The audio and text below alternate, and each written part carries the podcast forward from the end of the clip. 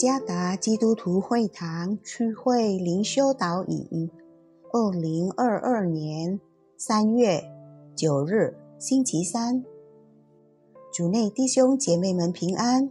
今天的灵修导引，我们要借着圣经希伯来书十一章十七节来思想今天的主题：毫无保留的牺牲。作者复活节传道。希伯来书十一章十七节，亚伯拉罕因这信被试验的时候，就把以撒献上，这便是那欢喜领受应许的，将自己独生的儿子献上。当我在巴厘岛的时候，我经常看到祭品摆在当地人们的房屋。或商店门前，祭品乃是献给他们所祭拜的。布罗莫山的居民也透过扔各种农作物和牲畜进入山的火山口，来进行年度的祭祀仪式。在世界各地，有许多族群都向他们的神明献祭。一个人爱上帝的标志之一，就是他们愿意牺牲，有颗愿意给予的心。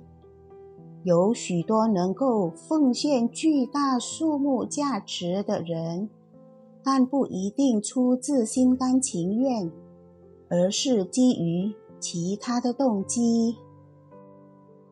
主耶稣斥责财主不是出自甘心乐意的奉献。因为他是从他多余的头上，相反的，穷寡妇把一切养生的头上，他的心是真诚的，愿意为主牺牲。另一个例子是顺服上帝命令的亚伯拉罕，当他被命令献上他的儿子，他不拒绝，也不与上帝争论，他顺服。遵循上帝的旨意，参看希伯来书十一章十七节。愿意这个词的意思，就是他用真诚、乐意的心去做，而且不求任何的回报。尽管最终上帝阻止了他，并用一只羔羊来替代，但亚伯拉罕的顺服和甘心乐意。是被上帝所重视的。从一开始，上帝已赐予人有渴望奉献与他的心。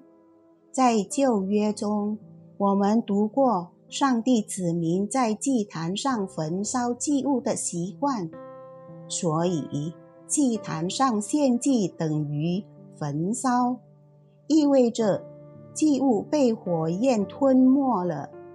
祭物已烧尽，再也无法看到了。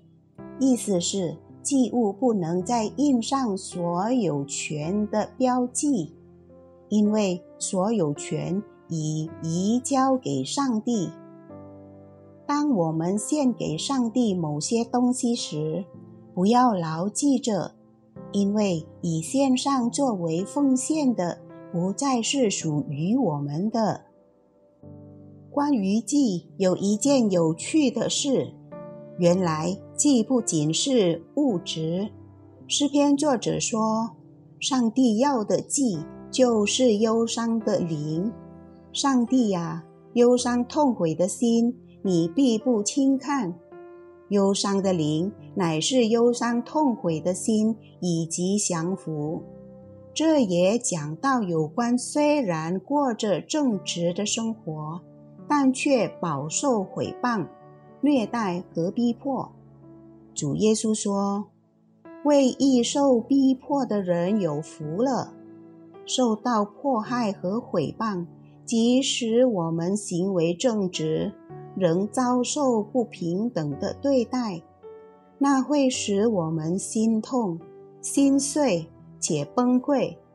但不同凡响的是。”如果我们甘心乐意继续持守下去，那将成为达到上帝宝座前的馨香之祭。